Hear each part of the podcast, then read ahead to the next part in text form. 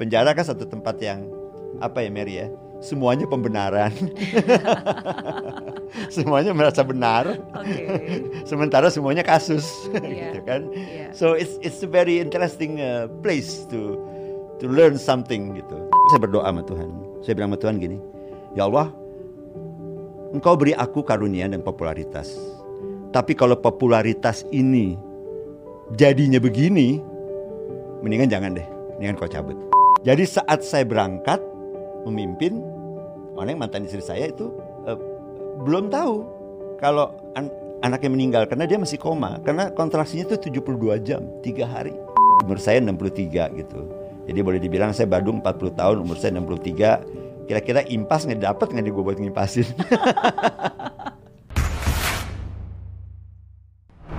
Kegagalan bukan akhir dari segalanya, kesuksesan juga tidak selalu ada selamanya. Suka duka silih berganti, tapi kemauan dan keyakinan untuk terus melangkah itu yang harus dimiliki. Dan di Zero to Hero hari ini, saya kedatangan sosok yang luar biasa, sosok yang saya kagumi. Siapa lagi kalau bukan Om Faris RM.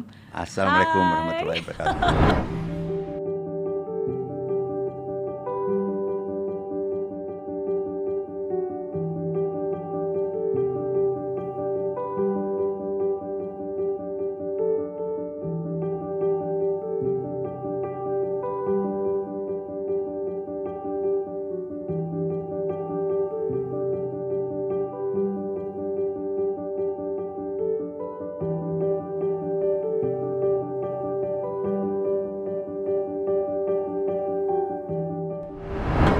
sehat Mary, salam sehat Sehat. berkah. Salam sehat juga Om Faris. Ya, sama-sama. Ya, salah satu musisi legendaris Indonesia, uh, Maestro. Aduh, jangan deh. Nggak sehebat itu. ya dan selalu rendah hati pastinya ya em, terima kasih sudah meluangkan waktu untuk datang ke sini Om Faris Sama-sama. Saya juga berterima kasih telah diundang ke sini. iya saya baru pertama kali ketemu tapi udah sering lihat di layar kaca karena eh, saya lahir tahun 80-an dan eh, zaman dulu kan masa-masa kecil tahun 80-an 90 kan cuma ada satu TV ya Betul. TVRI Betul. Betul.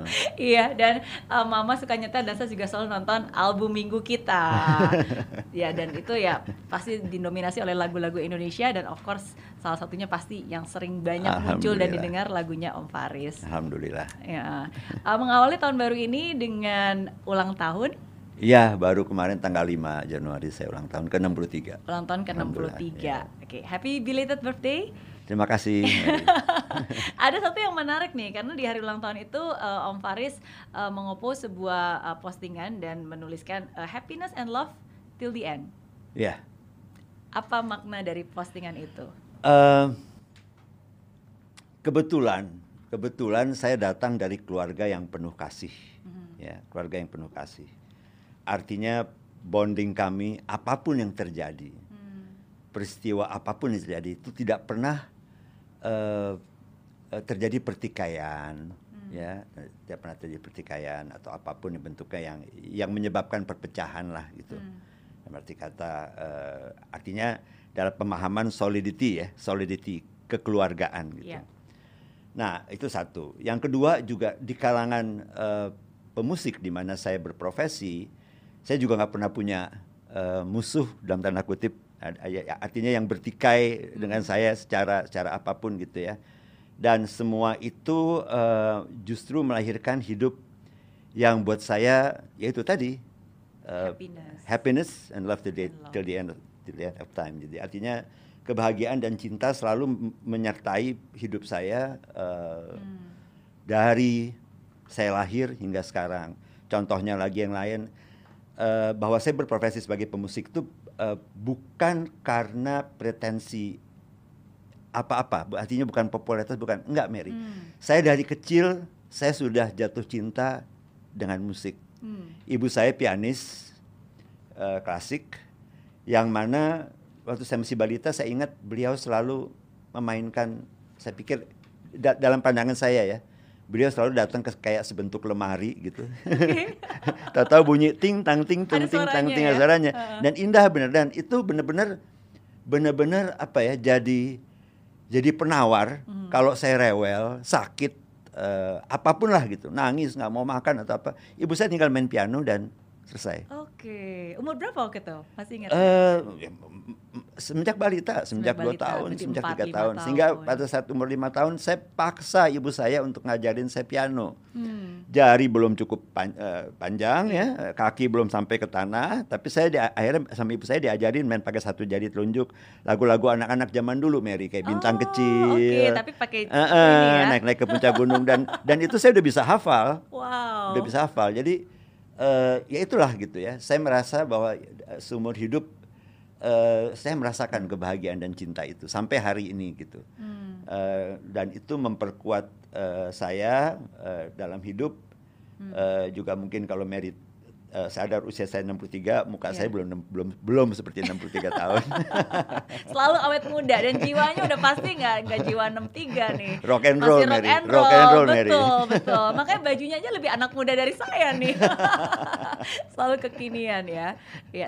Tapi itulah mungkin satu hal yang saya juga eh, saya juga sangat setuju seperti yang Om Faris bilang bahwa happiness and love till the end. Karena yang namanya bahagia, yang namanya cinta itu bukan berdasarkan keadaan, Ya, tapi betul. berdasarkan keputusan gitu. Betul. Mau keadaannya seperti apa pun, tapi kalau kita memutuskan untuk tetap bahagia, Betul. tetap penuh dengan cinta, kita akan merasakan bahagia dan cinta itu. Betul, Hmm. setuju. Jadi artinya memang eh, manusia ini kan punya pilihan gitu Iya. ya. Jadi makanya kita yang menentukan gitu loh. Hmm. Kita mau bahagia apa kita mau ini. Makanya segala macam hal dalam hidup yang saya alami eh, eh, eh, apakah itu kebaikan, apakah itu masa kelam, apakah itu masa yang yang yang yang berat gitu ya, Hmm. ujian yang berat. Selalu saya eh, akibat dari eh, cinta kasih yang selalu hi- hidup di Ya. keluarga saya dari kecil, saya jadi memiliki acceptance atau penerimaan yang besar gitu. Hmm. Sehingga segala sesuatu apa pun tidak akan memukul saya sampai saya nangis atau jatuh atau kecewa atau apa enggak gitu. Iya. Dia datang sebagai satu yang hal yang harus tiba la- langsung saya memahaminya, langsung saya mencoba untuk memahaminya. Apa sih sebenarnya yang terjadi ini? Hmm. Dan sebenarnya apa arti arti ini gitu? Karena menurut saya eh, itulah sebabnya saya menghapus Ya. kata-kata musibah dari hidup saya. Saya menggantinya dengan anugerah. Wow. Karena saya percaya bahwa setiap ujian seberat apa pun dari Allah, dari Tuhan, Tuhan tidak pernah memberikan kita yang buruk. Hmm. Gitu kan? Ada di, di berbagai ayat eh, su- apa namanya di, di, di berbagai kitab suci Ya. banyak ayat yang menyatakan itu. Seperti kalau di Muslim misalnya yang baik-baik datang dari aku, yang buruk-buruk datang dari dirimu sendiri. Al-Qur'an surat An-Nisa ayat 19. Jadi itu sebagai suatu pegangan pegangan bagi seorang manusia bahwa sebetulnya Tuhan selalu memberikan sisi yang positif.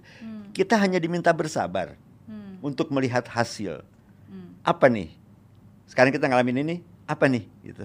Ya. Jadi tidak ada yang berat. Nanti kita cerita di di di di di, di berbagai ujian berat yang Ya. yang saya alami dalam hidup. Oke, Em, menarik ya karena sebenarnya tujuan hari ini saya bertemu dengan em, Om Faris. s- ada banyak, saya yakin 63 tahun itu ada banyak banget eh, perjalanan, banyak banget juga pelajaran, banyak banget juga Betul. suka dukanya. Ada kejayaan, ada kejatuhan, ada Betul. cara untuk bisa bangkit kembali gitu. Nanti kita mungkin akan membahas lebih banyak lagi tentang kejatuhan yang menurut Om Faris itu bukan musibah karena tidak pernah ada kata musibah, Iya. tapi itu bisa menjadi sebuah anugerah Iya. ya. Tapi mungkin kita balik lagi ke masa kecil Om Faris tadi. Oke. Om Faris bilang gara-gara masa kecil, gara-gara ngelihat lemari yang bisa bunyi, yang sebenarnya itu adalah sebuah piano. Akhirnya jadi cinta banget sama musik. Bahkan kalau saya bisa kutip nih, kata cinta tuh understatement. Kayak Om Faris ini tergila-gila Iya, dengan tergila-gila. musik dan Betul. Nggak pernah dan punya cita-cita lain. Saya nggak pernah punya cita-cita lain. Dari semenjak umur lima tahun enam tahun tuh kalau saya ditanya sama orang gitu, eh, sama teman-teman ibu saya gitu, Faris mau jadi apa? Tuh, saya pengen jadi pemain band. Saya bilang. Tapi eh, papa mama setuju, ibu dan ayah. Eh, setuju. Oke. Setuju. Orang tua saya tuh tipe orang tua yang sama seperti saya ke anak-anak saya sekarang gitu. Mhm. Tidak ad- tid- saya nggak Mary boleh percaya boleh enggak ya. Mhm. Kepada anak-anak saya nggak pernah ngeluarin kata-kata tidak boleh. Oh, oke. Jadi kalau kalau anak-anak saya tuh nanya ke ibunya gitu misalnya, "Bunda ini boleh ini ini gini." Oh, enggak, enggak, enggak boleh. Apa itu kamu tanya ayah lu deh. Nah, udah seneng mereka. udah pasti boleh. Boleh. saya selalu uh, me me mengajarkan anak-anak saya dari kecil itu selalu hidup yang mandiri. Oke. Okay. Jadi misalnya di rumah kami tidak ada pembantu. Hmm. Di rumah kami pembantu hanya pagi dan sore. Okay. Sehingga mereka terbiasa misalnya pulang sekolah masukin baju ke mesin cuci gitu yeah. ya. Habis makan cuci piring sendiri sehingga mereka dari kecil hidup mandiri seperti ibu saya mengajarkan kepada saya dulu. Hmm. Dan saya percaya hal-hal seperti itu uh, uh, uh, membawa pola pikir referensi yang tetap positif gitu. Sehingga hmm. ketika kejadian-kejadian yang boleh atau tidak boleh, saya akan mengatakannya boleh asal kalian tahu konsekuensinya. Oke. Okay. Gitu. Yeah. Pernah sekali waktu uh, ketika uh, putih kembar saya SMA, uh, mereka diajak sama-sama teman-teman se SMA untuk merayakan tahun baru di Anyer, hmm. misalnya ya. Nah, saya bolehin gitu hmm. gitu kan. Terus teman uh, orang tua teman anak saya itu tanya ke saya, Is, lo bener Is gini gini. Saya bilang jawabannya gini, aku kenal anak-anakku. Yeah. Jadi kalau aku bilang boleh itu karena aku kenal anak-anakku. Yeah. Anda ya, ya aku nggak tahu gitu. Yeah. Anda kenal anak-anak Anda nggak gitu. Yeah. Mary waktu waktu uh, zaman saya jaya-jayanya anak-anak masih kecil-kecil, masih bersekolah, ya, hmm. ya, masih bersekolah Nah, uh, alhamdulillah anak-anak saya itu dari kecil selalu juara kelas, juara kelas, juara kelas, juara kelas sampai ketika dia lulus di Tarki dapat beasiswa untuk uh, memilih sekolah di Amerika, di Belanda atau di Australia. Hmm. Yang mereka memilih di Belanda karena kebetulan banyak keluarga dari ibu saya ada di Belanda yeah. gitu kan. Dan mereka akhirnya uh, tinggal di Belanda, lulus di Belanda dengan distinction. Wow. Uh, apa namanya? Uh, lulus S2-nya juga dengan distinction. Hmm. Dan fakta membuktikan uh, sampai usia sekarang mereka menjalan 30 tahun umurnya tapi mereka belum mau kawin dan tergila-gila sama benar-benar workaholic dan dan dan dan feminis karir, uh, dan feminis mati gitu. okay. Nah, itu semua bisa terjadi uh, secara simpel aja sebetulnya. Dulu hmm. saya ingat zaman jaya, saya jaya waktu anak-anak masih sekolah. Sulit bagi bagi saya untuk bertemu dengan mereka ya. dalam keseharian. Karena jadwalnya sibuk. Jadwalnya sibuk. Uh, uh, uh, pagi mereka mereka sekolah, saya belum bangun. Ya. Saya pulang malam, mereka udah tidur. Ya. Yang saya lakukan untuk berkomunikasi apa, Mary? Kebetulan saya lihat di meja makan bertebaran nih PR-PR. Hmm. Mereka mengerjakan pekerjaan rumah kan. Saya sambil makan, saya pulang malam, saya sambil makan, saya sambil periksain PR-nya. Wow. Kalau ada kalau ada yang yang yang menurut saya perlu dikoreksi, saya saya, saya beri catatan. Hmm. Hanya perhatian-perhatian kecil seperti itu aja. Itu ternyata cukup mem mem memberi uh, komunikasi, yeah. saling percaya dan koneksi ya. Koneksi. Hmm. Makanya ketika saya mengalami ujian-ujian berat seperti waktu kasus narkoba segala macam, hmm. mereka juga punya punya punya kepercayaan gitu. Yeah. Saya masih ingat mereka di interview sama media, mereka cuma bisa mereka menjawab media itu adalah bahwa kami tahu ayahku, aku yeah. tahu ayahku, gitu. Yeah. Aku kenal ayahku. Itu aja jawabannya. Persis. Sama seperti ketika Om Faris sangat-sangat mengenal anaknya Om Faris ya anak Om Faris juga sangat mengenal Betul. Om Faris gitu. Betul. Jadi apa pun yang dunia ini melabel tentang Om Faris, apa pun yang terjadi, ya they don't know you. Betul, betul, betul. Itu juga yang diterapkan kembali ke masa kecil, itu juga diterapkan oleh ayah ayah hmm. saya gitu. Bahkan ayah saya tuh secara bercanda dia pernah bilang sama saya gini, kamu mau jadi apa aja boleh lah dia bilang gitu. Oh, iya? Asal satu aja dia bilang gitu. Asal. Jangan tanggung-tanggung. Jadi kalau mau jadi penjahat juga jangan tanggung-tanggung. jadi jadilah Al Capone gitu. Terkenal juga kan. Oke. Oke. Okay. Artinya kalau kita sudah memutuskan sesuatu ya sungguh-sungguh lakukan. Sungguh-sungguh lakukan yang terbaik hmm. gitu. Yeah. Makanya uh, uh, saya punya kebanggaan ketika saya jadi Faris RM. Yeah. Ayah saya, ayah dan ibu saya masih sering keluar negeri ya. Mm. Terus pulang dari luar negeri uh, ya ayah saya bilang sama saya gitu Pi, kan manggil saya Pi ya, mm-hmm. panggilan kecil saya. Pi, papi di upgrade tuh dari dari biasa ke apa ya, dari kelas biasa ke bisnis kelas gitu gara-gara kamu gitu. Itu yeah. itu itu membuat saya apa ya? Membuat saya uh, bukan jadi takabur, tapi saya saya bangga bahwa bangga. karena ayah saya dia, oh bapak ini ayah Faris ya di upgrade sama hmm. sama flightnya di upgrade ke, ke bisnis kelas. Itu kan apa ya peristiwa-peristiwa kecil tapi yang yang yang uh, buat saya itu menjadi approval yeah. approval bahwa saya melakukan apa yang diharapkan oleh uh, orang tua dan keluarga uh, kepada saya untuk saya lakukan dan, sebaik-baiknya. dan membuktikan bahwa keputusan yang diambil ketika masa kecil untuk menjadi musisi uh, bukan hanya sekedar ikut-ikutan tapi jangan tanggung-tanggung ya bahkan uh, menjadi pendobrak ada banyak hal yang sebenarnya pertama kali dilakukan Betul. oleh Om Faris Betul, ya, kan? Mary, betul. Hmm. Makanya kenapa saya sebagai pemusik, waktu saya menetapkan diri sebagai pemusik, terutama setelah terjun profesional sebagai Faris RM, saya sadar gitu bahwa saya harus melengkapi Hmm. segala hal faktor mengenai industri musik harus saya kuasai. Hmm. Maka saya bekerja di radio, di dua radio terkemuka Jakarta, Prambors Prambors dan El Sinta. El Sinta. Nah, waktu itu masih MNC El Sinta. Mhm. Terus eh, saya eh, saya eh, ke, ke Barcelona untuk untuk eh, belajar tentang broadcasting, Hmm. eh, direct, directing dan producing. Pulang saya dipercaya untuk eh, memegang eh, Raja Wali Citra Televisi Indonesia presentasinya. Jadi kayak RCTI Oke itu aku yang bikin Hmm. Ya video dan segala macam dan dan berbagai pokoknya RCTI di tujuh tahun pertama tuh yang buji benar-benar Faris aja gitu hampir semua program saya yang buat musiknya saya yang buat ilsa jadi Iya. artinya sekali lagi em, eh, eh, apa yang saya lakukan di musik tuh benar-benar semua Iya. sampai saat ini saya masih mengajar Ya. juga eh, secara eh, tidak eh, apa namanya tidak tidak tidak harian ya tapi sebagai dosen khusus kadang-kadang sebagai pengajar khusus pengajar tamu di berbagai institusi baik institusi eh, eh, yang bersifat akademis Formal, maupun ya. eh, maupun sekolah musik sekolah musik. Banyak sering menghadirkan saya sebagai pembicara dan sebagai ya, sebagai pengajar tamu lah Iya. istilahnya. Juga di, di apa namanya di eh, bidang pertelevisian dan broadcasting saya juga sering diminta. Jadi ya alhamdulillah lah. Alhamdulillah bahwa ilmu yang saya serap baik secara otodidak maupun secara pendidikan kayak seperti waktu di Barcelona ikut summer course sebagainya itu eh, apa ya menambah pengetahuan wawasan yang akhirnya membawa saya eh, menjadi Faris RM yang tetap eksis setelah 47 tahun. 7 tahun, 47 tahun berkarya. Ada ribuan lagunya. Ini tercatat 1768 lagu. Iya. Tapi kayaknya mungkin ini belum terupdate nih, masih ada tambah-tambah terbaru-baru. Sebet- sebetulnya Mary kalau ka- kalau kalau boleh jujur ya, kalau Mary hitung iya. 1768 atau mungkin sekarang 1771 gitu ya. Iya. 73. Kalau Mary hitung 47 tahun berkarya, itu hasilnya normal-normal aja Mary. Maksudnya normal-normal tuh gini, itu kalau dihitung jumlah lagu itu jatuhnya adalah per tahun antara 3 dan 4 album Hmm.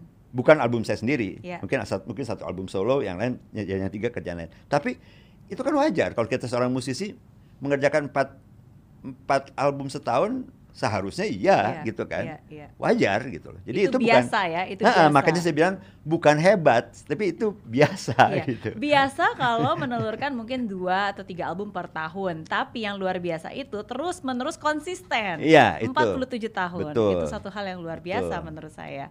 Ya, dari begitu banyak lagu dan album yang mana yang paling di apa ya? Nggak, bisa bilang disuka ya, karena kan semuanya juga pasti suka ya. Iya. Yang paling spesial. Eh, saya melihatnya, saya mungkin bisa melihatnya gini. Sebet, ju- se- sejujurnya, sejujurnya album sebuah album saya, terutama solo, itu eh, selalu berkesan ketika saya membuatnya. Oke. Setelah jadi, dia jadi biasa aja. nah, jadi kalau Mary tanya yang berkesan, mungkin ada dua, Iya. ya, mungkin dua. Yang pertama Sakura dan Barcelona, ya, eh, Iya. Sa- Sakura dan Living in the Western World, di mana eh, lagu Barcelona ada. Tapi eh, kalau secara kebanggaan, Iya. saya pribadi, saya akan memilih Living in the Western World. Kenapa? Karena Living in the Western World itu eh, eh, inspirasinya murni inspirasi dari eh, Faris. Hmm. Kalau Sakura itu saya bekerjanya berdasarkan skrip skrip film Sakura dalam pelukan. Jadi jadi berbagai topik yang saya tampilkan dalam lagu-lagu yang ada di album Sakura itu sebetulnya adalah topik-topik yang saya capture dari Alur eh, cerita. skenario Ya. alur skenario ceritanya film Sakura dalam pelukan. Nah, itu yang pertama. Yang kedua, memang keduanya punya keistimewaan yang Ya. yang yang sangat langka yang waktu itu dan sampai saat ini dibilang hebat. Nanti saya tekan-tekan lagi sama Mary, sebetulnya nggak hebat gitu ya. Oke. Sakura di- di- dikenal sebagai album hebat karena album itu adalah album pertama Indonesia di mana mulai dari penulis eh, mulai dari produser, penulis, pengaransemen, mengerjakan instrumennya, mengerjakan rekamannya, semuanya sendiri tanpa ada bantuan musisi lain. Jadi di situ saya dikenal pertama kali sebagai multi instrumentalis Indonesia pertama Wow. yang ya yang boleh dibilang yang dikenal publik lah gitu. Iya. Bahkan iklannya tulisannya begitu tuh. Pernahkah anda, anda anda tahu ada seorang pemusik yang memproduksi sendiri, mengaransemen sendiri, bermain beraneka macam instrumen sendiri, Iya, menyanyikannya menyanyi sendiri, sendiri, ya, iya. dan segala macam. Tapi sebetulnya lagi-lagi untuk itu dulu saya cerita itu bukan kehebatan Mary. Masalahnya saya nggak punya uang buat bayar musik-musik lain. ini benar, Oke, oke. ini benar. Ya kayak saya kan chief CEO ya, chief everything officer gitu semua dikerjain sendiri. Soalnya gini, soalnya gini, saya ingat waktu itu saya eh, sebelum ini kan saya bergabung sama sama Badai Band sama, sebagai drummernya Krisya almarhum di Badai Band. Nah dari tabungan itu kan saya punya tabungan saya ingat waktu itu cuma empat setengah juta. Hmm. Zaman itu studio sewa studio itu sekitar 150 ribu per 8 jam. Hmm. Saya ngitung kan, lebih baik saya pakai pemusik lain yang saya musik keluar uang, atau saya dapat jadwal kerja yang lebih panjang. Oke. Mana yang saya pilih gitu. Iya. Akhirnya saya bilang, udah deh jadwal kerja yang lebih panjang aja gitu. Hmm. Tapi juga itu nggak masuk tiap hari gitu. Tapi saya saya pertama-tama ya eh, jadi saya punya target gitu. Satu hari rekaman saya mesti kelarin tiga lagu. Jadi Hmm. sebelum masuk rekaman, sebelum masuk jadwal di hari rekaman itu, saya udah mempers- udah udah melatih, udah mempersiapkan, udah gila-gilaan pokoknya. rekam semua sendiri, yang mainin semua. Ya, nah, Oke. baru masuk studio saya udah tahu mesti ngapain. Ya oke sekarang take metronomnya dulu. Tik tok tik tok tik sama 6 menit 7 menit gitu buat lagu yang 5 menit. Kemudian piano, kemudian drum, kemudian bass dan seterusnya dan seterusnya. Iya. Nah, itu keistimewaannya Sakura. Oke. Tapi kalau Barcelona, kenapa saya lebih memilih Barcelona? Itu lebih lebih kalau saya boleh bilang sebetulnya agak gila juga saya. ya. Artinya gini loh. Kan di Spanyol tuh di Iya. Barcelona ya. Saya waktu itu empat bulan sih di Barcelona. eh nggak bawa alat musik, Mary. Hmm. Nggak bawa alat musik.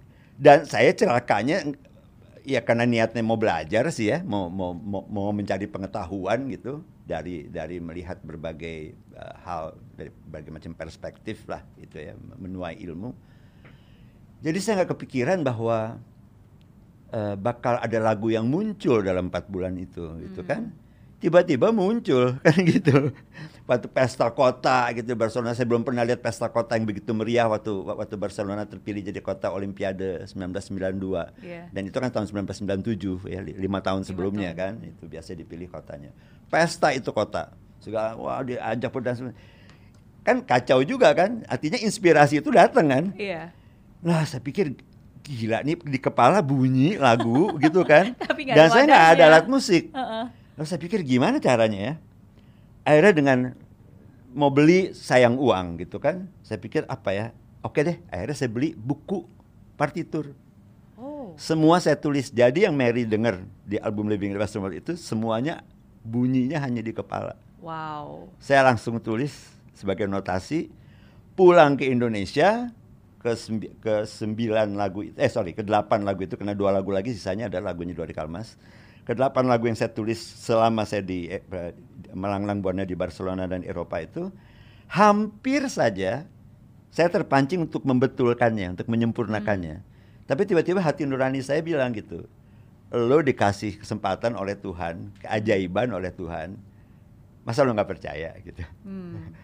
akhirnya saya ikutin benar gitu. Saya nggak saya nggak jadi saya sempurnakan saya ikutin benar. Dan faktanya jadi masterpiece gitu. Wow. nah jadi ini ini yang saya bilang sama Mary gitu Iya. ya berbagai pengalaman hidup mengajarkan kita eh, dan membentuk membentuk eh, pola pikir seorang manusia Hmm. Eh, makanya alhamdulillah masih bisa eksis sampai sekarang gitu Iya. ya masih masih tetap frekuensi pentas eh, Iya. diajak kolaborasi dan segala macam jadi kisah kecil saya tuh sebetulnya ya gitu umur lima tahun belajar piano pertama sama ibu saya kedua main panci drum Hmm. dipukul apa panci jadi drum gitu dipukulin gitu sampai akhirnya ayah saya membelikan saya drum pada pada saya umur saya umur tujuh tahun 8 tahun dan terus saya saya mendevelop gitu belajar main gitar sendiri otodidak belajar belajar segala macam sendiri Iya. sampai akhirnya setelah, setelah mak- semakin dewasa semakin semakin apa namanya semakin jadi apa namanya jadi eh, eh, eh, kecanduan gitu addicted to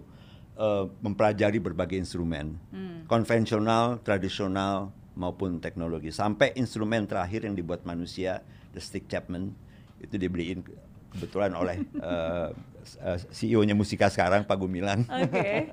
Sahabat saya, dia yang bawa pertama ke Indonesia, is ini ada alat musik baru dan akhirnya saya saya saya, saya pelajarin tuh alat Hmm. yang dibawain oleh Pak Gumilang itu. Jadi dalam hal ini eh, bisa dilihat bahwa memang dari kecil saya merintis eh, perjalanan hidup seperti itu gitu. Iya. Dan dari em, cerita Om Faris tadi eh, ada dua hal sih yang sungguh-sungguh menurut saya itu sangat konsisten dari Om Faris yaitu you never stop learning and never stop doing. Iya, betul. Jadi Om Faris itu eh, sungguh sangat mengalir gitu. Apa pun juga keadaan, apa pun juga yang hidup ini kasih kepada Om Faris itu bisa dimaksimalkan. Seperti Hmm. contoh yang tadi Sakura, ya kan? Ketika ya udah cuma ada budget segini, ya udah bisa apa? Ya udah dimaksimalkan, semua dikerjakan. Iya. Ya walaupun kelihatannya bagi banyak orang itu adalah sebuah tantangan dan kesulitan ya, Iya, sebuah iya. musibah nih cuma ada Iya. sendiri. Tapi kan ternyata kalau kita dilakukan dengan sungguh-sungguh menjadi anugerah. Betul. Sebuah kesulitan akhirnya menjadi sebuah pembeda yang akhirnya menjadi sesuatu yang sangat menjadi spesial. pengetahuan. Menjadi pengetahuan. Begitu juga dengan Barcelona yang tadi Iya. Om Faris cerita ya kan. Iya, iya. Jadi untuk banyak orang ketika dia dapat inspirasi tapi nggak ada alat musiknya, mungkin dia punya banyak alasan. Udah nanti aja deh, Heeh. udah nggak usah Heeh. deh, ya Heeh. kan. Tapi kan Om Faris nggak membiarkan alasan eh, menghentikan Om Faris untuk berkarya. Betul. Dengan dengan peristiwa itu makanya saya bilang yang tadinya kesulitan Iya. akhirnya jadi pengetahuan yang diberi yang di- diberitahukan oleh Tuhan kepada saya lo bisa gitu. Betul. kamu bisa begini Iya. Just keep Anu- doing. eh, just keep- Terus percaya mengalir aja, percaya Percaya aja gitu percaya aja Iya. pada apa yang apa yang eh, apa yang kamu lakukan dan itu Iya. itu benar benar sekali Iya, dan akhirnya dua lagu itu Sakura dan Barcelona menjadi dua lagu yang harus dimainkan setiap kali konser karena kalau nggak ditimpukin katanya. Benar ya Faris ya? benar Selalu Benar. pokoknya harus ada dua lagu itu. harus ada dua lagu itu gitu Iya, lagu boleh ya lucu-lucuannya sih saya bilang kutukan tapi sebenarnya itu lagu anugerah ya itu karunia yang terbesar gitu Iya, iya. saya saya nggak nggak pernah kebayang saya bisa menyekolahkan anak bisa membesarkan anak-anak saya jadi jadi jadi orang lah ya gitu Hmm. jadi jadi manusia yang sukses pada karirnya masing-masing Eh, hanya dengan eh, 2 sampai 10 lagu utama karya Faris gitu. Hmm. Itulah sebabnya kenapa saya tuang juga dalam sebuah buku yang judulnya Rekayasa Fiksi, Hmm. bagaimana Faris menulis lagu. Oke. Dan em, saya dengar eh, versi ulang kan lagu Sakura banyak sekali juga kan di, di- dinyanyikan ulang. Em, dan itu apa ya? Menurut saya itu salah satu lagu yang ada jiwanya. Iya. Dalam arti mau padahal kan itu udah berapa 30 tahun yang lalu ya nggak sih? 40. Empat- oh, oh wow 40 tahun yang lalu. 1980. Gitu tapi kan nadanya tuh nyantol gitu kan. Hmm. Na na na na na Alhamdulillah. Ya, wah, ini, aduh, saya saya gemeteran nih nyanyiin lagunya di depan. Nyanyi Waktu saya aslinya. nyanyi Mary baru lahir. Oh iya, baru lahir. Tapi itu kan eh, nempel, maksudnya walaupun mungkin dengarnya di radio. ya itulah kan? gitu. Itu kan yang it- itu yang saya makanya saya bilang eh, itulah dia ya. eh, wujud ya, bukti ya bahwa manusia harus percaya. Hmm, I- logikanya hmm. Pahala itu lebih banyak daripada dosa. Pahala lebih baik daripada dosa. Nah, karena Oke. kenapa?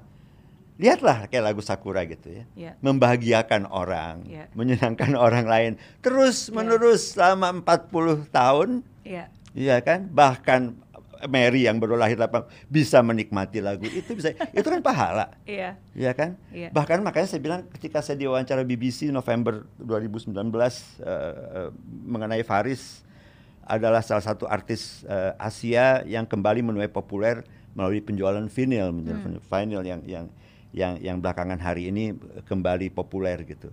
Itu saya kaget, betul-betul saya kaget baru saya tahu bahwa vi- vinyl saya ketika saya ke Eropa 2019 juga saya lihat di toko vinyl ada gitu vinyl saya gitu di situ. Itu saya benar-benar berkaca-kaca loh. ya. Artinya arti kata eh, 40 tahun saya baru bisa menem- menemukan approval dari karunia Tuhan kepada saya melalui musik. Inilah yang yang yang lo selama ini carikan seolah-olah Tuhan ngomong sama saya gitu gitu ya. Bahwa bayangin gitu ada ada ada, ada toko vinyl saya main masuk aja gitu. Saya cari di F ada Wow. gitu kan. Itu kan sesimpel kejadian itu tapi kan artinya kan besar sekali buat saya gitu Iya. kan Iya. di Praha, di di Florence, di Amsterdam. Gila gitu maksudnya ada nih ternyata It's gitu. a loh. legacy. It's a legacy. It's a legacy gitu Iya. kan makanya saya bilang nah akhirnya eh, eh, eh, saya jadi berpikir gitu bahwa Hmm. logikanya pahala tuh pasti lebih banyak daripada dosa. Jadi Hmm. manusia seharusnya eh, sadar akan hal itu gitu. Betul. Makanya saya bilang mengapa saya hapuskan kata musibah dan saya dan saya lebih mempercayai kata anugerah gitu. Hmm, pahala selalu lebih banyak daripada dosa. Uh, saya setuju, tapi bukan berarti itu manusia tidak luput dari dosa. Iya, Uh, ada pasti. kejayaan, ada juga masa kejatuhan. Pasti. Kalau dari Om Faris sendiri, saya yakin uh, ada banyak hal yang sudah dilalui. Um, yang yang mana nih yang yang yang paling berat buat Om Faris? Em, berat, aduh banyak ya, banyak sekali masalah berat ya. Tapi yang alhamdulillah ya, eh, alhamdulillah maka seperti saya bilang tadi, kenapa saya selalu bilang ini sebagai anugerah, karena masalah-masalah berat yang saya alami, em, baik itu masalah berat yang yang sifatnya eh, berat dalam arti kata eh, di ranah eh, peristiwa yang baik Hmm. dan ada juga kejadian-kejadian berat di ranah yang yang yang negatif ya. Eh, saya punya banyak pengalaman hidup yang boleh dibilang eh, dalam tanda kutip Tuhan menguji Hmm. ya menguji saya itu banyak sekali. Eh, mungkin saya akan ngambil yang paling yang paling saya rasakan waktu itu menggoyahkan ha- nyaris menggoyahkan saya gitu ya. Yang pertama-tama adalah kehilangan anak pertama. Hmm. Kehilangan anak pertama saat lahir karena paru-parunya nggak ngembang. Eh, lima, cuma 15 detik kali ya, 15 detik. Dan saya lihat di depan mata saya bayi berbentuk bayi eh, hilang, gitu, diambil oleh Tuhan. gitu ya.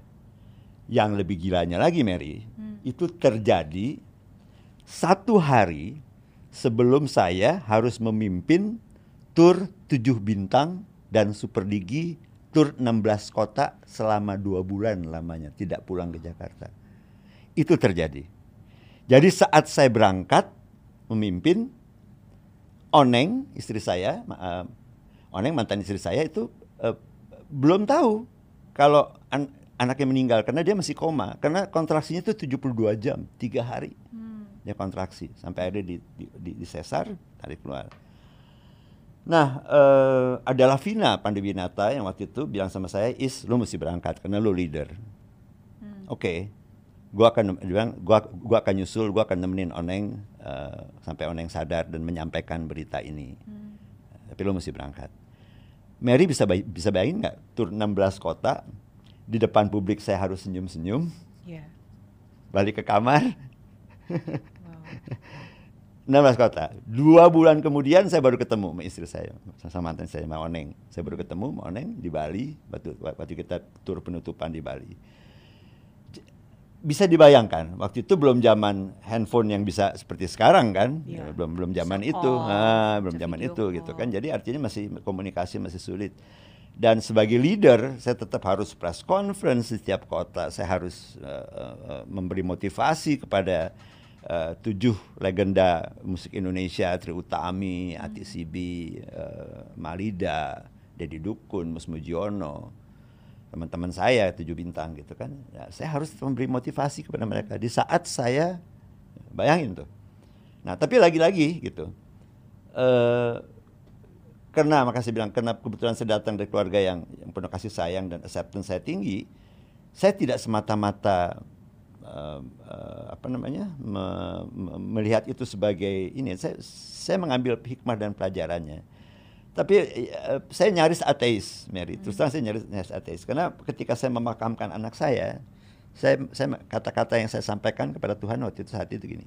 Ya Allah, aku hadapkan wajah almarhum putraku, putra pertamaku ini ke, had- ke hadiratmu. Tolong tunjukkan aku mukjizat dan keyakinan, eh, tolong berikan aku keyakinan dan alasan dan mukjizat agar aku tetap meyakini ini adalah kehendakmu yang terbaik bagiku.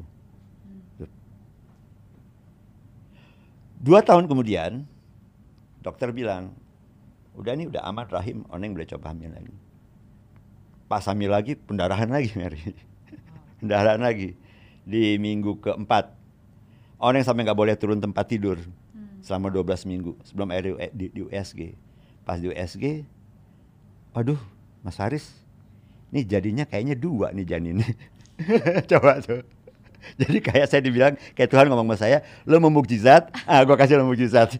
kayak ditampar gitu loh. Iya. Dan alhamdulillah putih kembar saya ini soleh dan soleha, pinter-pinter, juara kelas dan sekarang jadi orang. Bahkan sekarang aja saya saya tersedak nih menceritakannya kepada Mary karena karena hal itu gimana ya? Hmm, anugerah. anugerah. Itu contoh gitu, itu contoh gitu. Satu-satu hal yang yang anugerah yang yang yang yang begitu besar. Anak ketiga saya lahir uh, Vergio uh, tujuh tahun kemudian dari bedanya tujuh tahun sama kakaknya. Uh, ketika baru lahir baru tiga bulan saya dikirim sama Reni Joisman ke Timur Timur dalam rangka pra referendum itu. itu waktu pesawatnya berangkat dari Komoro terus udah duh tanya itu apa itu? Oh itu lagi itu itu lagi ada perang di Dili. Ampun gitu kan saya pikir ini gue ngapain di sini gitu. Ada aja ya. Ada aja. Ada aja ujiannya. Ah, masuk air merah saya ngelihat kepala dipancung dengan dengan segala itu benar-benar benar-benar begitu pulang saya tuh nggak dua minggu saya nggak bisa ngomong dua minggu saya cuma melukin si Vergio yang masih bayu waktu itu Iya. dua tuh pelajaran hidup yang yang yang besar gitu yang yang yang yang kemudian yang yang boleh saya hitung besar itu adalah yang semua publik tahu yaitu ketika saya terjerat kasus narkoba tiga kali banyak kayak satu kali eh, di Cipinang dua kali di Cipinang tiga kali saya merasakan rehabilitasi yang saya rasakan sangat berbeda sekali dan program yang bagus sekali dari pemerintah gitu. Nah, tapi sekali lagi saya bilang eh, beruntung saya di di di, di berbagai di berbagai eh, peristiwa itu itu peristiwa yang tidak tidak apa namanya tidak berimbas ke orang lain ya. Itu artinya kesalahan untuk diri saya sendiri gitu. Oke. ya kan nah eh, itu itu cobaan itu itu itu berat. Tapi lagi-lagi saya lalui dengan lapang dada dengan dengan dengan keyakinan Tuhan selalu bersama saya dan saya nggak kenapa-kenapa. Saya nggak berdarah-darah juga. Saya disayang oleh warga binaan gitu. Bahkan yang kedua itu saya jadi warga binaan terbaik. 17 Agustus gitu. Warga binaan terbaik Faris RM. Selalu melihat hal yang baik walaupun di situasi yang mungkin terlihat eh. tidak baik. ya. Nah, waktu yang peristiwa ketiga, Mary, saya, di- saya direhabilitasi di Lido pertama tiga bulan, terus saya dipindah ke RSKO karena untuk sidangnya. Pada akhirnya saya diputuskan satu tahun, tapi saya dibebaskan sembilan bulan dengan eh, masa percobaan tiga bulan. Tapi yang terberat lagi ketika direhabilitasi itulah ya, ketika saya di RSKO jadi bulan kelima, saya menerima surat saya diceraikan oleh Oneng. itu itu hal yang apa ya? Tapi saya ketika itu kebetulan posisi saya karena dilihat selama selama eh, rehabilitasi saya nggak pernah ada membuat kesalahan atau teguran atau apa pun. Saya sampai di hierarki eh, kepengurusan, saya sampai menjabat pejab- eh, posisi tertinggi yaitu RCO Residence Coordinator di eh, rumah eh, adiksi Halmahera di RSKO Jakarta Timur. Nah, eh, tiba-tiba eh, konselor saya manggil saya, eh, bro, tolong eh, tahan diri ya. Kita terima surat nih, baca deh gitu. Surat saya diceraikan. Langsung saya telepon anak-anak saya, dan anak-anak saya bilang sama saya, nggak apa-apa ya, terima aja. Karena ayah dan bunda tuh udah toksik, gitu. udah toksik. Jadi artinya ayah akan jadi korban bunda, bunda juga jadi akan korban ayah. Gitu. So atas das, as- atas usulan anak-anak, usulan anak-anak, saya tekan, saya percayaan. Dan saya share ke residence di RSKU saat itu karena karena kan kalau kalau rehabilitasi kan kita nggak boleh ketemu orang luar kan. Iya. Jadi ya saya share. Ke mana lagi saya mesti lepas eh, perasaan dan tekanan ini kalau nggak saya bisa saya bisa depres. Depresi. Eh, dan saya share sebagai RCO, kebetulan sebagai eh, hierarki tertinggi, jadi saya share sama kita selalu ada kelompok sharing setiap setiap hari pagi dan malam. Saya saya saya cuma saya cuma mengamat Tapi ketika udah nggak ada yang sharing, saya bilang boleh saya sharing. Sebagai RC, RCO pun saya tidak lepas dari problem-problem yang, yang menjadi tantangan hidup. Gitu. Nah, saya ceritain. Gitu. Nah, tapi sekali lagi, ketika kita percaya dan berserah diri, nggak sampai dua tahun kemudian, sekarang baru terlihat gitu bahwa kehendak Allah itu terbaik bagi saya. Saya belum pernah sesolid sekarang dekat dengan anak-anak. Harian setiap hari selalu komunikasi. Iya. Gitu kan? Saya punya orang-orang yang mencintai saya sekarang, pendamping saya sekarang. Permata uh, yang juga mengelola manajemen Faris adalah orang yang sangat pengertian dan sangat ini kami dekat, hubungan kami dekat. Uh, dan dia juga mensupport selama ini. Jadi artinya uh, orang tua saya pun gitu. Ya. Ibu saya alhamdulillah masih masih sehat di usia 95 tahun dan uh, beliau pun juga bilang yang udah-udah gitu. Yang, ya. yang yang penting yang penting ambil hikmah dan hidayah dari dari setiap cobaan dan ujian hidup dan kamu pasti akan menemukan uh, uh, apa uh, titik terangnya gitu tujuannya. Kadang-kadang kita sering kali berburuk sangka gitu ya yeah. kepada kehendak Tuhan. Padahal maksudnya kalau kita mau bersabar kita cuma diminta bersabar kok. Sabar deh nanti juga lo tahu gitu. Loh akhirnya tahu gitu. Oh iya ya gitu loh. Yeah. jadi alhamdulillah uh, sampai saat ini ya saya masih itu tadi gitu. Makanya kalau hmm. Mary uh, lihat di apa namanya di profile picture saya di WA tuh tulisannya uh, love, devotion, and surrender. Love, devotion, and, and surrender. surrender. Oke. Okay. Uh, berserah. berserah. berserah. Gitu. Dan dan memang sering kali um, ketika seseorang memutuskan untuk berpisah itu sering kali ya untuk kebaikan keduanya. Betul. Ya kan? Karena betul. kan daripada dipaksakan betul. saling menyakiti ya lebih baik mungkin menjaga jarak tapi mm-hmm. dua-duanya menjadi manusia yang lebih baik lagi dan mm-hmm. dan outputnya pun juga jadi lebih Karena baik. Karena kita nggak ada nggak ada lagi apa namanya satu tuntutan-tuntutan yeah. keterikatan. Yeah. Yang yang itu menjadi ternyata setelah 32 tahun menikah pun saya merasa bahwa hmm. betul anak-anak bisa melihatnya itu sebagai toksik gitu. Hmm.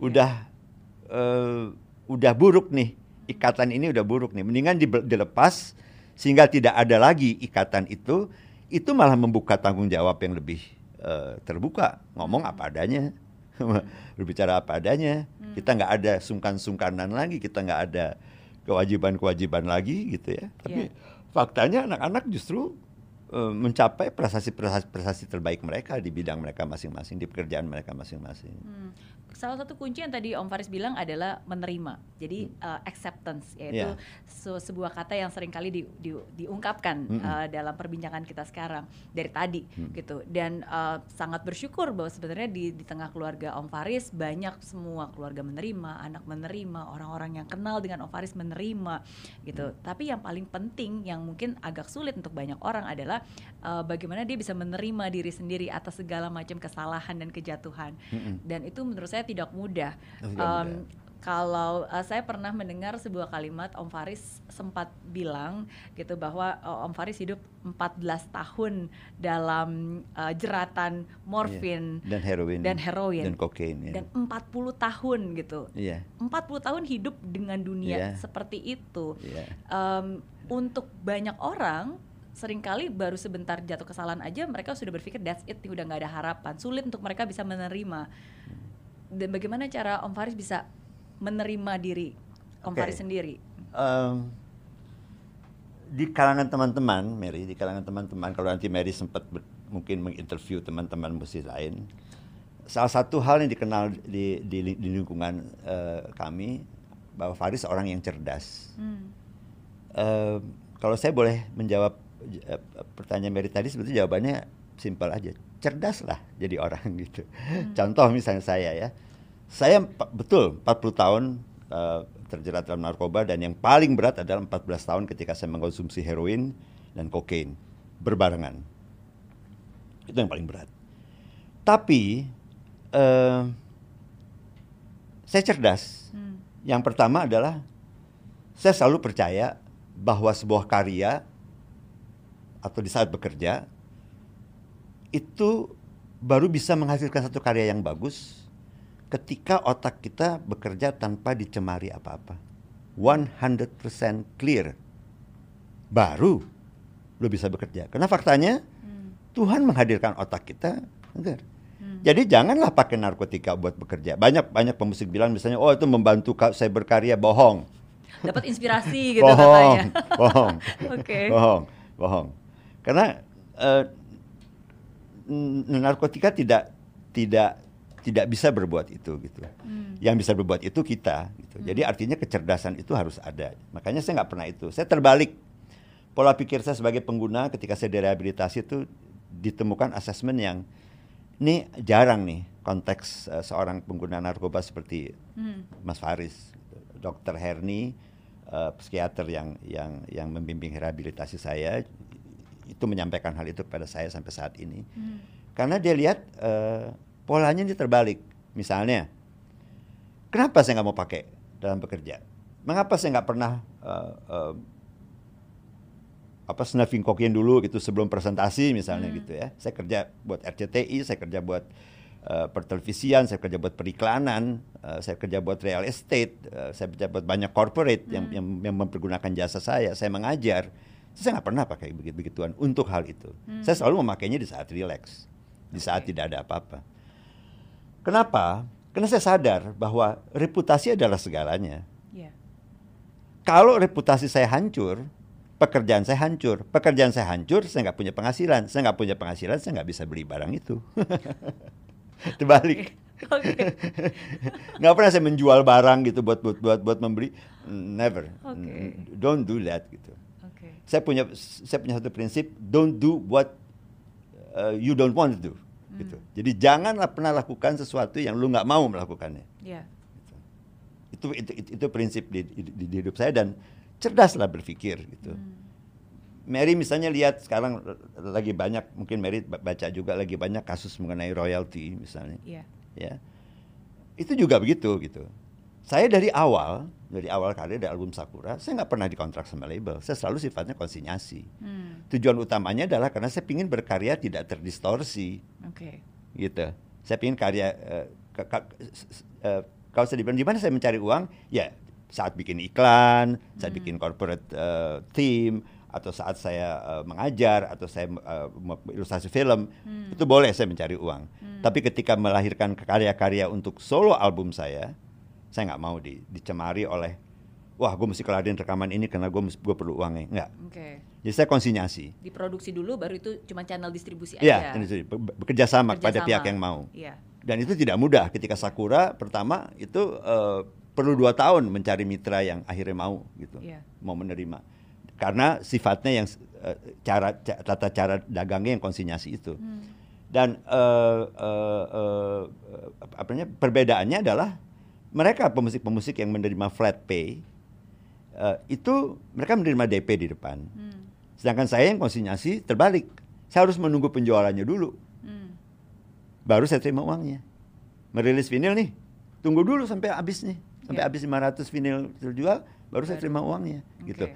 So, eh, makanya saya, saya selalu kalau diminta pendapat soal soal keributan soal eh, MKN eh, lembaga manajemen kolektif eh, sekarang ini dan dan dan, dan problematik eh, apa namanya royalti pemusik-pemusik, saya bilang sama teman-teman saya jujurlah ini cuma perkara jujur apa enggak aja gitu. Ya kalau saya bilang kenapa kalian dulu mau mau flat pay, kan simpel aja.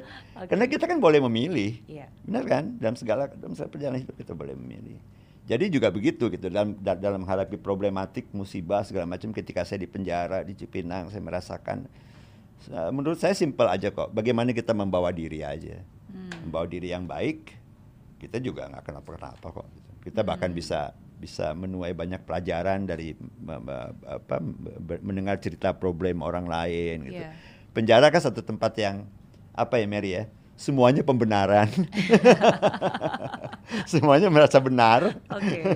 Sementara semuanya kasus Iya, gitu kan. iya. So it's it's a very interesting uh, place to to learn something gitu. Betul, To- betul. Kayak Tapi itu adalah tempat mungkin di mana ketika kita- ya kita tidak uh, punya prejudis ya. Maksudnya Kita tidak punya- kita punya prejudis. tidak berprasangka gitu Iya, terhadap iya, apa. Karena setiap iya. orang pasti punya jalannya masing-masing dan punya apa ya sesuatu yang terjadi yang membuat dia berada di Di situ, Di situ, betul, gitu. Hmm. Ada yang sial, Iya. ada yang apes, ada yang bodoh, ada Iya. yang ada yang emang kena emang penjahat. Oke, oke. jadi jadi eh, eh, buat saya tuh apa ya? Kayak saya dimasukin sama Tuhan ke satu universitas yang yang, Wow. yang yang yang mengajarkan kehidupan dalam arti kata yang sesungguh-sungguhnya gitu. Iya. Bagaimana kita mesti hidup eh, di dalam penjara gitu yang kita nggak bisa apa-apa gitu dalam dalam itu dan Hmm. penjara itu kan apa ya eh, keramaian dalam kesunyian ya. Ramenya minta ampun tapi sebenarnya hati kita sunyi. Hmm. gitu. Ribut kita nggak bisa kita nggak bisa suruh stop ribut. Itu 24 jam wah ribut. Ada yang pasang musik koplo duk duk duk sana ada. Segala macam bunyi lah pokoknya. Tapi sebenarnya kita sendiri. Hmm. dan di situ di, di situ justru kita menemukan apa namanya ya eh, what doesn't kill you will make you stronger gitu apa yang nggak bisa membunuh kita akan membuat kita semakin kuat gitu Hmm. nah itu yang itu yang membangun lebih besar lagi acceptance membangun lebih besar lagi acceptance membangun lebih besar lagi acceptance menjadi menjadi menjadi resident coordinator di rehabilitasi kita jadi mendengar problem Ya. eh, para residen ini gitu ya. Soalnya kan konyol-konyol problemnya Mary seperti kayak waktu di waktu di apa di rehabilitasi ada ada anak yang marah kepada orang tuanya dimasukkan rehabilitasi. Saya bilang sama dia, lu nggak pakai otak, saya bilang gitu kan. Karena masalahnya kalau lo dibawa ke polisi, lo boleh marah. Ya. Ini lo dibawa ke rehabilitasi, orang tua lo keluar uang buat lo, masa lo marah gitu? Harus terus berprasangka baik ya. Harus harus ber- ber- ber- bersama baik Mem- membangun membangun apa namanya membangun awareness membangun eh, eh, eh, apa namanya kesadaran di mereka bahwa makanya saya di setiap residen baru masuk bertemu dengan saya sebagai residen koordinator saya cuma tanya satu hal kepada dia Hmm. lo mau sembuh apa enggak Hmm. sebab kalau lo nggak mau sembuh lo mendingan ke Cipinang lo mendingan ke penjara Hmm. di penjara sudah bukan rahasia umum apa juga ada di penjara Ya. ya kan Ya. tapi kalau lo mau sembuh di sini tempatnya Hmm. So it is your choice. gitu. Hmm. Makanya saya bilang eh, ketika saya direhabilitasi saya menemukan banyak banyak hal baru gitu ya hal-hal yang misalnya gini. Ternyata tidak semua hal yang kita nilai baik adalah hal yang baik. Hmm. Gitu. Ketika kita melindungi satu kepentingan yang kita sangka baik buat keluarga misalnya, kita pasang badan, Ya. Gitu. Ternyata itu salah. Andai kata pasangan hidup kita juga pengguna, seharusnya bukan kita harus jadi terbawa ke dia untuk melindungi dia. Seperti Mary tahu, mantan istri saya juga pengguna kan. Hmm. Jadi ternyata tindakan saya sebagai suami melindungi istri, padahal sayanya sudah udah udah udah udah nggak nggak nggak bebas menggunakan, ya, udah, udah udah waktu lepas. waktu habis kasus kedua itu udah sebetulnya udah nggak terbunuh. Tapi saya pasang badan untuk melindungi dia Iya. dan tindakan yang yang kita sangka baik itu ternyata salah Hmm. gitu. Makanya kan di rehabilitasi kan tiga poin utamanya gitu. Yang pertama adalah kita harus menyadari dulu bahwa kita punya ketidakberdayaan. Oke. So itu pertama kita mesti tahu dulu kita punya weakness. Ya. Yang kedua, Mengakui, Kak, itu ya. ah, mengakui dulu bahwa kita punya ketidakberdayaan. Hmm. Kedua, ya, tapi kita harus punya keyakinan Hmm. bahwa ada kekuatan apa aja boleh di, di, di, di, di- diumpamakan di kekuatan itu ada yang ada ada yang boleh mengum- meng- mengumpamakannya sebagai Tuhan Ya. ada yang boleh mengumpamakannya sebagai support keluarga Ya. apa ada yang meng- mem- ap- pendek kata boleh apa aja bahwa ada kekuatan yang bisa memperbaiki Hmm. ketidakberdayaan kita ini dan ketiga berserah diri kepada Tuhan gitu Hmm. makanya serenity prayer Ya. gitu ya, itu itu itu itu sangat sangat amat amat amat penting gitu ya bahwa eh, Tuhan eh, berikanlah saya kebijaksanaan apa, apa untuk dapat menerima hal-hal yang tidak dapat kami rubah tapi berikan saya keberanian untuk merubah hal-hal yang dapat kami rubah dan berikan saya kebijaksanaan untuk memahami dua perbedaan itu itu kan dalam banget tuh. Iya. itu sangat dalam sekali gitu Betul. Karena terus terang kita sebagai manusia dari kecil kita hidup dengan berbagai referensi di otak kita. Kita nggak sadar otak kita ini udah udah mulai ngawur nih. Yang mana yang benar yang kita benerin, yang Iya. mana yang salah. Saking banyaknya referensi gitu, saking banyaknya hal yang kita tabrak, zaman saya jadi pengguna, saya nggak bisa melihat bodohnya jam setengah tiga pagi bahan habis terus kita tetap nyari gitu. Tapi setelah setelah kita sober, baru kita nggak ada otaknya banget. ya karena kadang secerdas-cerdasnya manusia ketika kita udah diliputi dengan perasaan, emosi kita naik, kecerdasan kita menurun sebenarnya. Benar dan dan dan dan dan baru kita tahu bahwa narkoba itu jeleknya bukan bendanya Mary. Iya. Tapi dia membangun attitude, Hmm. habit. Ya. Kalau kalau kalau pas kita putus barang harus ada. Jam 3 pagi ya subuh cari. Jam setengah dua pagi cari gitu. Nah it- bu- bukan soal itu tapi itu membangun habit attitude kita bahwa apa yang gue mau harus ada. Nah itu yang Betul. jelek Betul. Dan makanya di dalam rehabilitasi sebenarnya yang diobati dikembaliin itu dikembaliin lagi ke Iya. kita ke ke ke otak dasar manusia yang waktu Betul. kita baru lahir gitu loh Betul. Yang diobati bukan hanya fisiknya, zatnya, Bukan. tapi mindset, Iya. pola pikir. fisik sih detoksifikasi seminggu 10 hari juga selesai Iya. tapi justru pembenaran, sifat-sifat pembenaran, Hmm. ya, memaksakan kehendak, emosi, temperamen, Hmm. Tidak jernih berpikir, tidak mau mendengar kata orang, Hmm. itu yang yang yang buruk sebetulnya. Hmm. Nah, alhamdulillahnya karena saya kebetulan dalam pekerjaan saya nggak pernah, eh, saya sel- art- artinya selama hidup saya selalu baik baik saat waktu saya jadi pengguna maupun Ya. tidak, saya, saya selalu sadar akan tanggung jawab. Hal itu tidak begitu parah untuk menyem- menyembuhkannya gitu, untuk untuk mengalihkannya karena eh, asesmen saya mengatakan bahwa oh, Mas Faris oke nih sebetulnya gitu. Dia dia kesalahan-kesalahan dia lebih kesalahan-kesalahan yang seperti saya bilang tadi gitu. Ya. Hal-hal yang yang saya pikir benar gitu loh. Tapi salah. Untungnya itu em, apa ter, ter- ini ya terkotakkan ya. Jadi maksudnya itu tidak merugikan orang lain. Heeh. gitu. Jadi masalahnya masalahnya ke diri saya sendiri betul, gitu betul. loh. Iya, iya dan dan itu yang sangat penting sih menurut Heeh, saya. itu itulah hal-hal berat yang terjadi tapi yang saya nilai malah anugerah ya. Karena saya ter- ter- terus terang jadi jadi manusia yang sangat amat sangat berubah Hmm. setelah saya lepas rehabilitasi. Sebelum sebelum saya lepas sebelum saya rehabilitasi saya masih banyak tuh. Misalnya saya misalnya saya me- saya meeting sama Mary terus Mary uh, mengusulkan pilihan A terus saya bilang Mary enggak enggak enggak. Iya, Mer B Mer. Gue nggak mau tau pokoknya B gitu. Mungkin yang banyak orang takutkan itu adalah em, mereka merasa bahwa kalau itu sudah terjadi, kesalahan itu terjadi, mereka jadi nggak punya masa depan.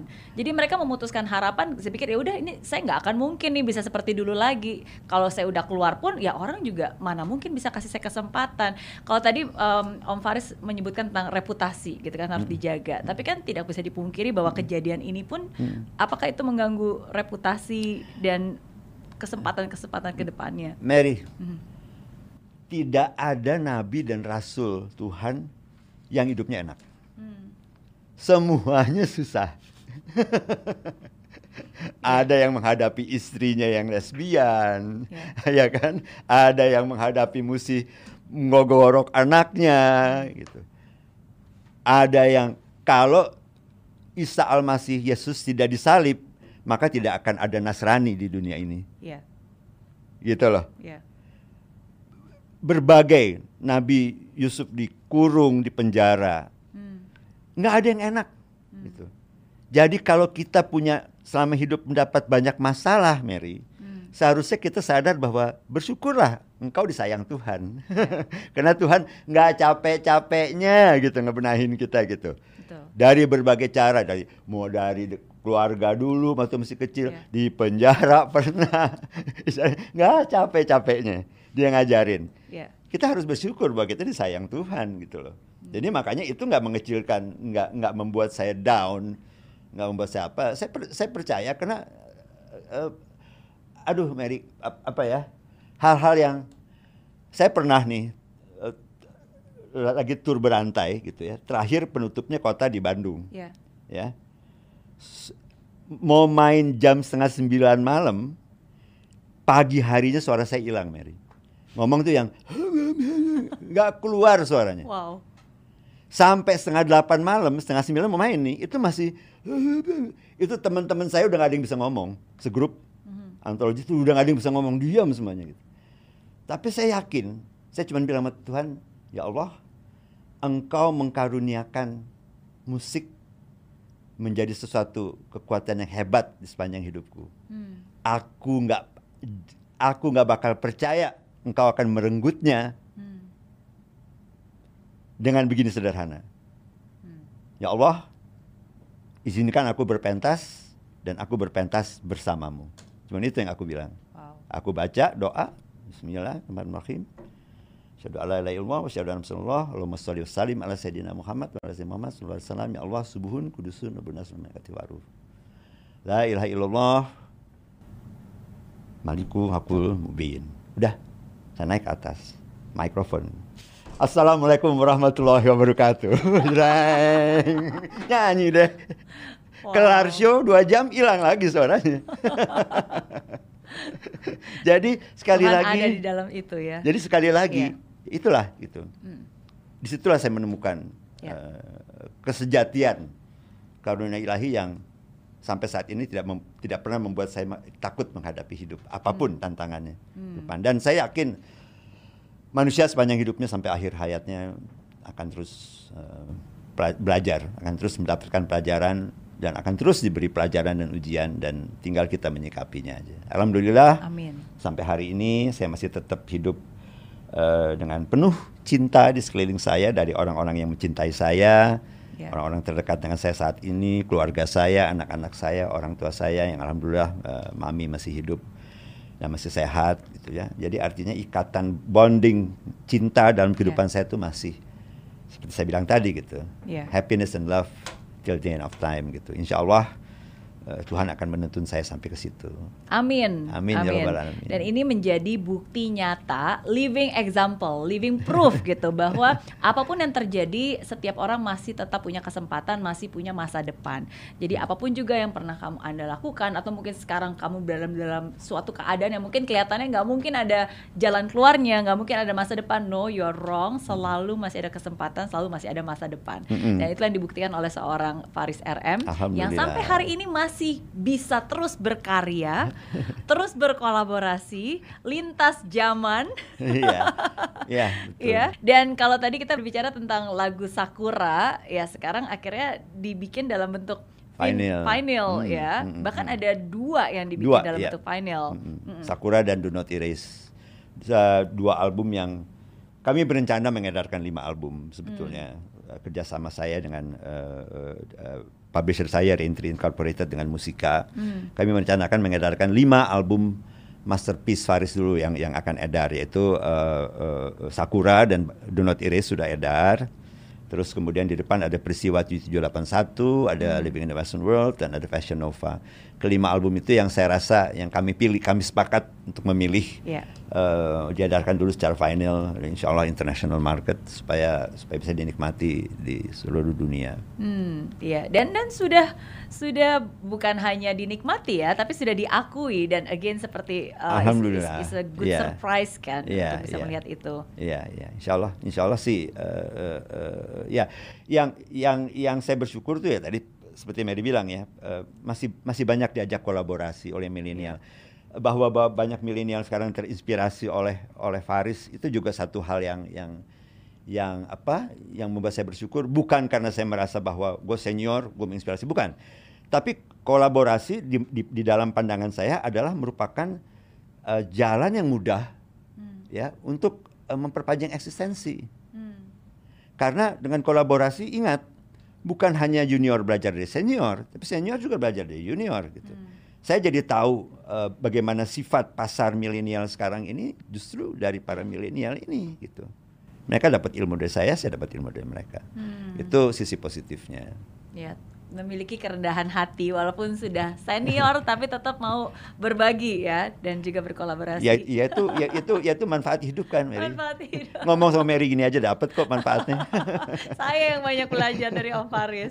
Eh, tapi ini satu hal sih yang menurut saya sangat unik juga dan menurut saya ini konsisten ya, bukan hanya dari segi lagu, tapi sebenarnya lagu itu kan salah satu cerminan dari penciptanya. Dan sekarang saya bisa lebih mengerti gitu bagaimana lagu-lagu itu tercipta dan apa yang membuat Om Faris itu bisa konsisten sampai 47 tahun. Iya. Karena you have the core karena intinya gitu karena ada soulnya dan dan Om Faris itu sangat jujur terhadap ya ya terhadap apa yang dirasakan dan itu selaras mindset Iya. uh, feeling uh, experience dari nasihat ibu, dari orang tua, dari lingkungan di mana itu dibesarkan dan karena Betul. keselarasan itulah akhirnya uh, konsisten gitu di- Iya, di mana pun betul. juga. yang paling berat itu sebetulnya kan yang paling banyak, yang paling banyak ini ya. eh, eh, di salah satu buku yang saya tulis diterbitkan oleh Kompas Gramedia eh, pada tahun 2009, itu judulnya Living in Harmony, masih bisa didapat sekarang di Tokopedia atau di mana pun.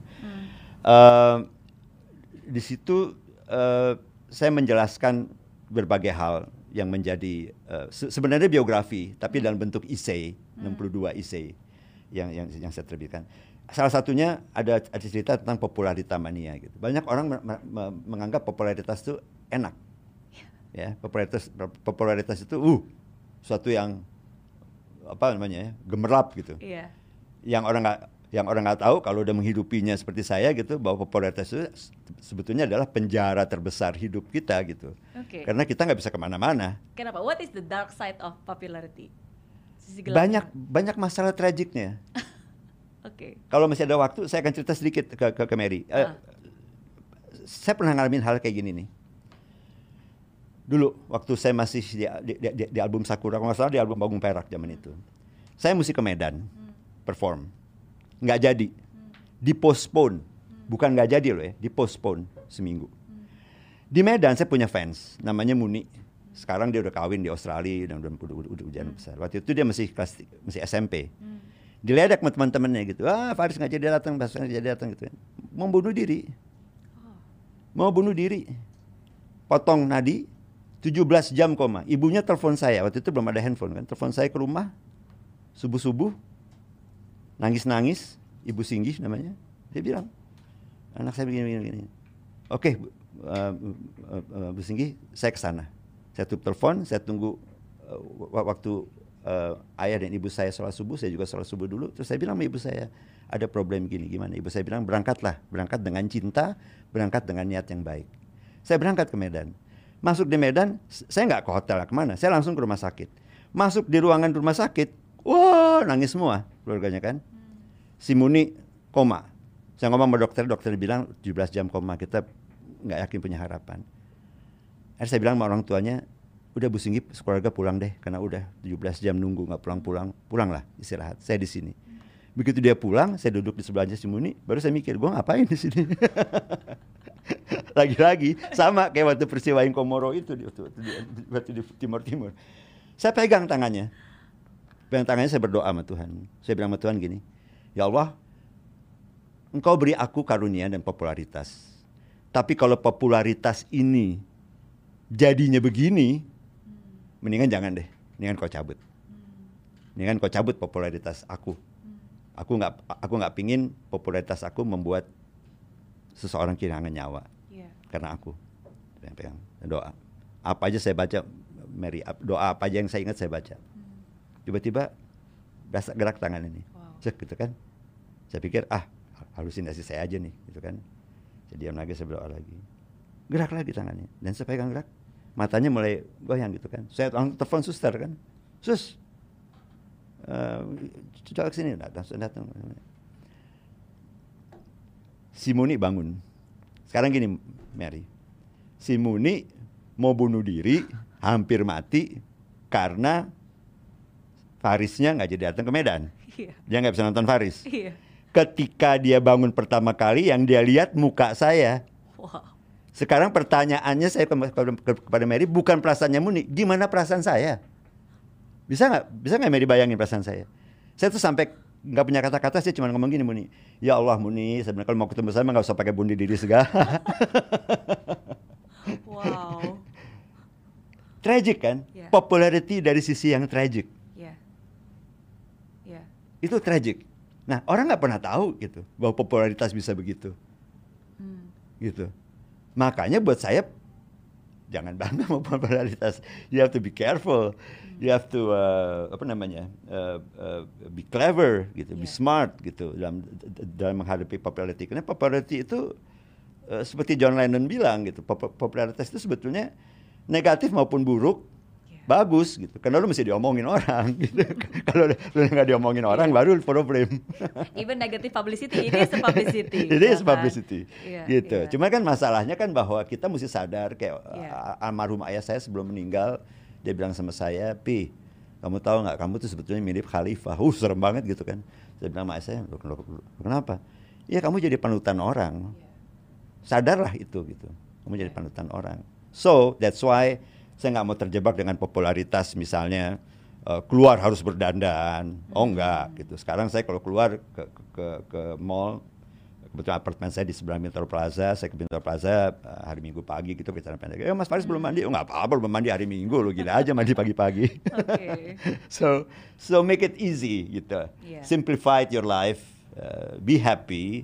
Hmm. Uh, apa namanya? Uh, happiness will be always with with you ev- Hmm. every day, every time, every second bahkan. So enjoy. Jangan jangan jangan tekan diri gitu. Hmm. Enjoy aja. Ya.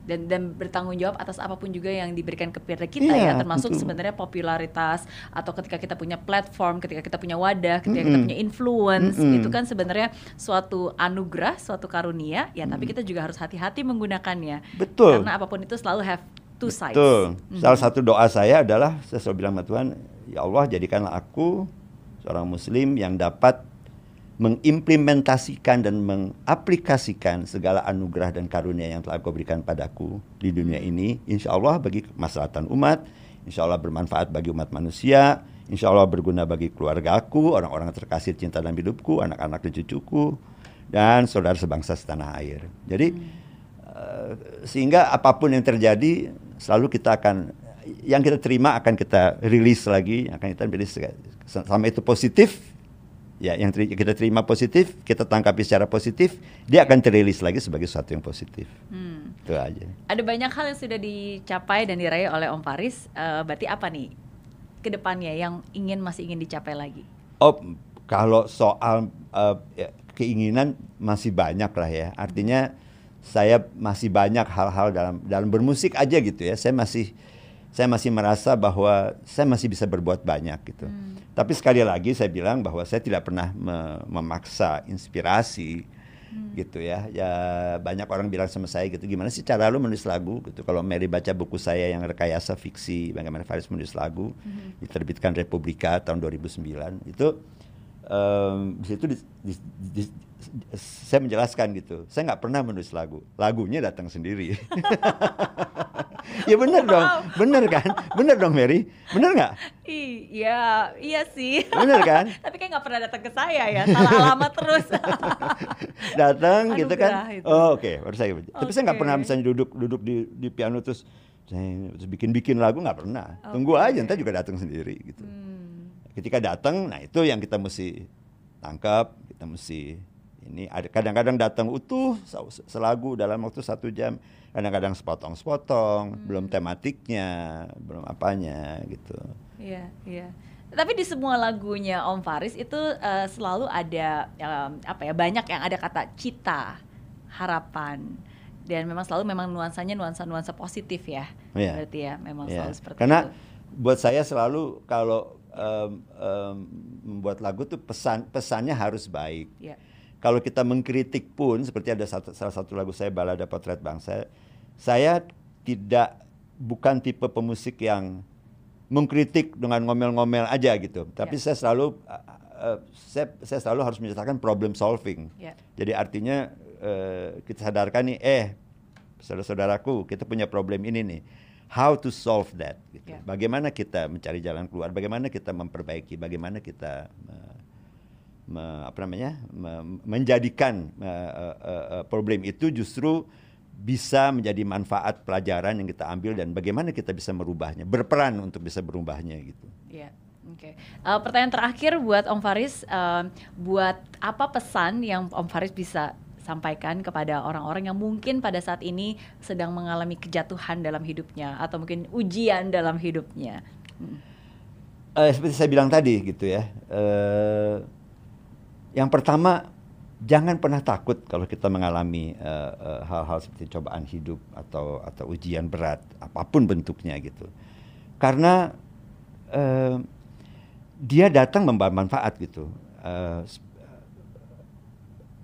ke, ke apa namanya keburukan datang bersama kebaikan. Jadi artinya kalau kita mengalami keburukan, percayalah bahwa eh, kalau kita nggak salah, kalau kita nggak pernah salah, bagaimana kita mau tahu yang benar? Ya. Intinya gitu. Jadi yang pertama kalau kita lagi mengalami kejatuhan, yang pertama sekali yang kita, kita mesti uh, uh, uh, tetapkan dulu di, di, di diri kita adalah mengapa kita meng- meng- mengalami ini gitu. Hmm. Apa ya sebabnya kita ngalamin ini gitu. Hmm. Eh, setelah kita menemukan intinya, oh itu gitu.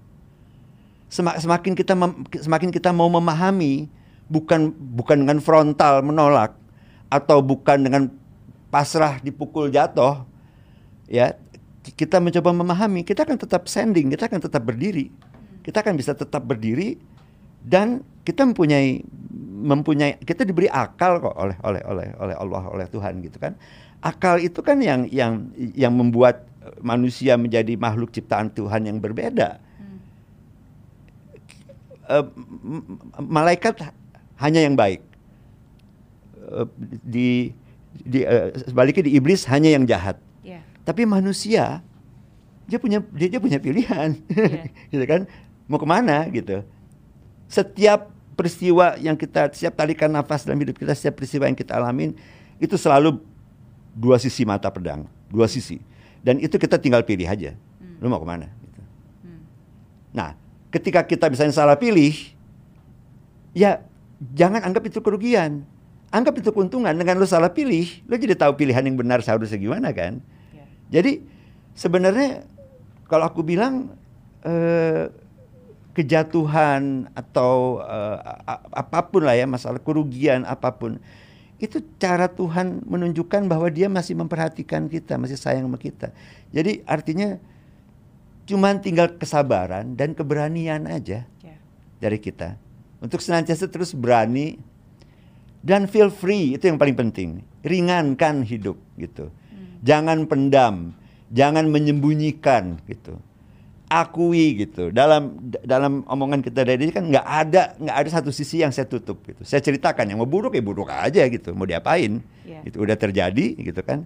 Tapi kan eh, saya punya eh, saya punya kesempatan dan tolong berikan saya kesempatan untuk menunjukkan bahwa bahwa hal buruk yang saya alamin kemarin ini itu membawa banyak perbaikan dalam hidup saya gitu. Ya. ya insya Allah ya da- eh, sampai sisa hidup saya eh, se- se- sekendak Tuhan ya ini menjadi menjadi hidup yang saya cuma selalu mikir gini Mary gitu ya umur saya 63 gitu. Jadi boleh dibilang saya Badung 40 tahun umur saya 63 kira-kira impas nggak dapet nggak nih gue buat ngimpasin? Kalau nggak dapet cilaka. Tapi kalau dapet ya alhamdulillah gitu kan. Jadi artinya ya dengan begitu saya cuman sekarang cuman ingin yang enak-enak aja deh gitu Iya. yang enak-enak aja yang produktif-produktif aja produktif pun juga nggak dipaksakan yang enjoy-enjoy aja Iya. gitu. Iya. Terima kasih Om Faris Sama-sama, sudah selalu Mary. berbagi. Seru Eh, banget. Om Faris kan bilang yang penting pahala itu pasti jauh lebih banyak daripada dosa. Dan- Insya Allah, Dan, saya percaya itu juga yang sudah dilakukan oleh Om Faris. Apa yang dibagikan hari ini saya yakin sungguh-sungguh pasti bisa menguatkan banyak orang dan em, membawa pahala bagi banyak orang juga. Alhamdulillah, So, terima kasih. Sukses buat album-album vinyl-vinylnya. terima kasih insya Allah amin Buat yang mau dapetin ini bisa tinggal beli di mana nih? di mana aja di toko vinyl di toko vinyl mana aja ada Iya, oke. Dan jangan lupa juga untuk subscribe dan follow. Dari Om Faris sendiri biasanya pakai Instagram atau pakai Saya eh, ada YouTube publishing channel Faris RM. Oke. Eh, Faris RM YouTube publishing channel. Eh, silakan follow dan subscribe eh, karena di, di di channel itu ju- justru menampilkan hal-hal yang yang banyak publik nggak kenal. Oh, iya? dari- dari saya, iya, ya. Jadi na- namanya YouTube Faris RM Publishing Channel. Oke. Eh, baru rilis baru 14 hari rilis tapi sambutannya alhamdulillah bagus Wow. karena memang menampilkan banyak sisi yang yang nggak pernah orang tahu yang berinspirasi dan Hmm. eh, insya Allah eh, channel tersebut bebas vlog dan bebas gosip Mary.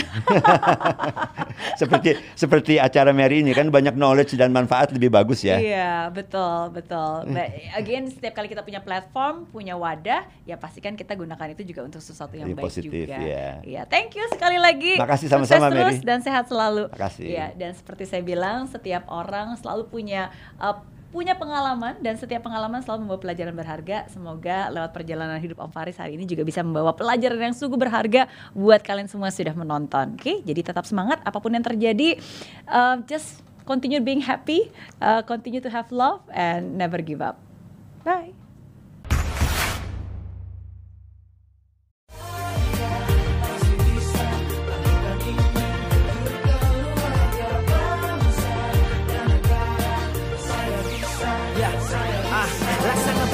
Tanpa hujan Hidup tanpa tujuan Kering dan mati tanpa hijaunya tumbuhan ah.